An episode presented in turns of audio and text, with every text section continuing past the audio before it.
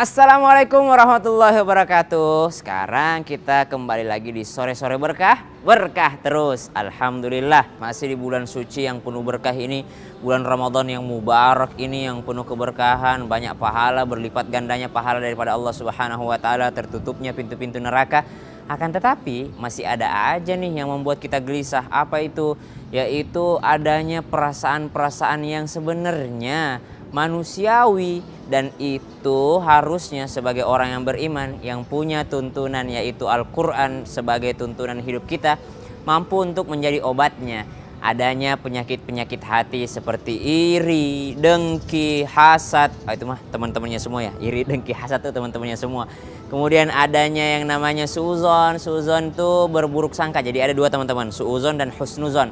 Kalau suuzon artinya buruk sangka, kalau husnuzon artinya baik sangka.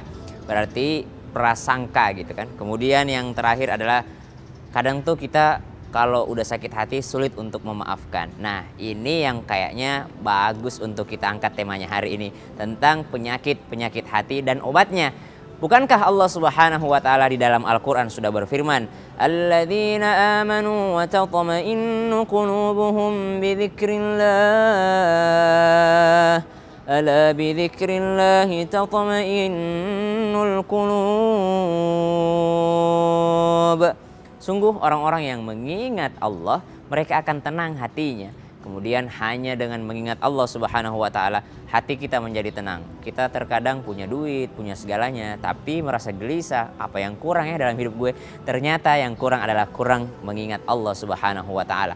Banyak orang udah mempunyai segalanya tapi masih aja merasa iri dengan kehidupan orang lain. Kenapa? Karena kurang mengingat nikmat Allah Subhanahu wa taala. Intinya adanya kekurangan kita dalam mengingat Allah Subhanahu wa taala.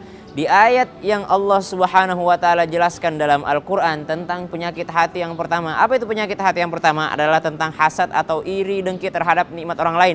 Ada suatu ungkapan yang sangat luar biasa. Likulli ni'matin di atas setiap nikmat pasti akan ada rasa iri di dalamnya. Jadi tenang aja guys, kalau misalnya ada yang iri sama kamu, berarti ada yang kele ada kelebihan darimu. Nggak mungkin ada orang yang iri terhadap keburukan. Wah gue iri sama dia, dia jago banget nyurinya. Nggak mungkin. Gue iri sama dia, dia jago banget curangnya. Nggak mungkin. Pasti orang gue iri sama dia, dia duitnya banyak banget. Pasti kebaikannya banyak. Semua orang akan iri terhadap kebaikan. Berarti kalau ada iri yang ada orang yang iri sama kita, kita akan uh, merasakan bahwa sadar bahwa kita mempunyai kelebihan dibandingkan orang tersebut. Maka dari itu selalu membaca qul a'udzu birabbil falaq min syarri ma khalaq. Ada disebutkan di akhir ayat wa min syarri hasidin idza hasada. Maka daripada orang-orang yang hasad atau orang-orang yang iri ataupun orang-orang yang dengki ketika mereka merasa dengki terhadap diri kita. Penyakit hati yang kedua, yang pertama tadi nih, iri dengki, Penyebabnya hanya karena kurang mengingat Allah, kurang bersyukur atas nikmat Allah Subhanahu wa taala yang pernah diberikan kepada kita. Ada satu ungkapan yang sangat menarik dan sangat luar biasa untuk dijadikan pelajaran di sore hari ini. Apa itu? Ketika engkau melihat dunia, maka lihatlah orang yang berada di bawahmu. Tapi engkau ketika melihat memandang akhirat maka lihatlah orang yang berada di atasmu. Artinya apa? Ketika kita melihat dunia, harta dunia, tentang kemewahan, maka lihatlah orang yang lebih di bawah. Kita cuma punya mobil, maka lihatlah orang yang punya motor. Kita cuma punya motor, jangan lihat orang yang punya mobil, tapi lihatlah orang yang hanya punya sepeda. Kita cuma pakai sepeda, lihatlah orang yang hanya berjalan kaki. Selalu melihat dunia yang ada di bawah kita. Tapi ketika melihat akhirat, lihatlah orang yang lebih di atas daripada kita. Iri terhadap orang yang berilmu yang mengamalkan ilmunya dan iri terhadap orang yang punya duit yang rajin bersedekah dengan duitnya itu adalah iri yang dibenarkan. Maka dari itu ketika melihat akhirat, lihatlah orang yang lebih tinggi. Wah dia sholatnya lebih banyak, gua harus lebih ini lagi. Wah sedekahnya lebih banyak, gua harus bisa lebih giat lagi. Wah dia ini lebih ini lebih ini. Harus melihat yang lebih daripada itu. Penyakit hati yang kedua adalah suuzon. Apa sih suuzon? Kita tuh selalu mengedepankan yang namanya prasangka buruk terhadap orang lain. Kita belum kenalan selalu berpikir buruk. Maka dari itu tak kenal maka tak aruf. Kalau nggak kenal maka kenalan lah. Kalau nggak kenal maka kenalan. Kenapa? Karena sifat manusia selalu berpikir buruk terhadap orang yang belum dikenalnya. Kenalan maka engkau akan saling mencintai. Tahadu tahabu saling menghadiahilah kalian maka kalian akan saling mencintai dan tidak ada lagi timbul yang namanya suuzon. Inja akum fasikum binaba'in fatabayyanu. Kalau ada berita yang datang jangan langsung percaya, berita hoax langsung menjudge, langsung nyinyir di sosial media. Padahal yang harus kita pertama lakukan adalah fatabayyanu, klarifikasi, bener nggak ini berita ini? dan juga bukan hanya benar salahnya tapi kita mikirin gimana perasaan dia kalau kita nyebarin berita ini. Yang ketiga penyakit hatinya adalah dendam atau susah untuk memaafkan.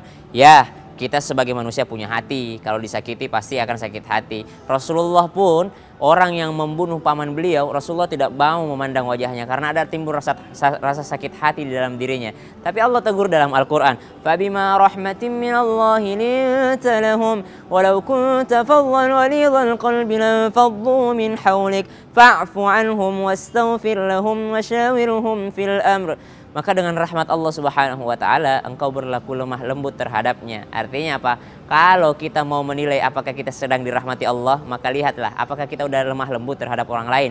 Fa'fu anhum. Kalau engkau sakit hati, dendam, engkau dia punya salah kepadamu, maka maafkan mereka. Kalau kita mau ukur apakah kita menjadi seorang yang dirahmati Tuhan atau tidak, maka lihatlah apakah kita menjadi seorang pemaaf atau tidak. Memang memaafkan itu sulit karena ganjaran pahalanya sangat besar.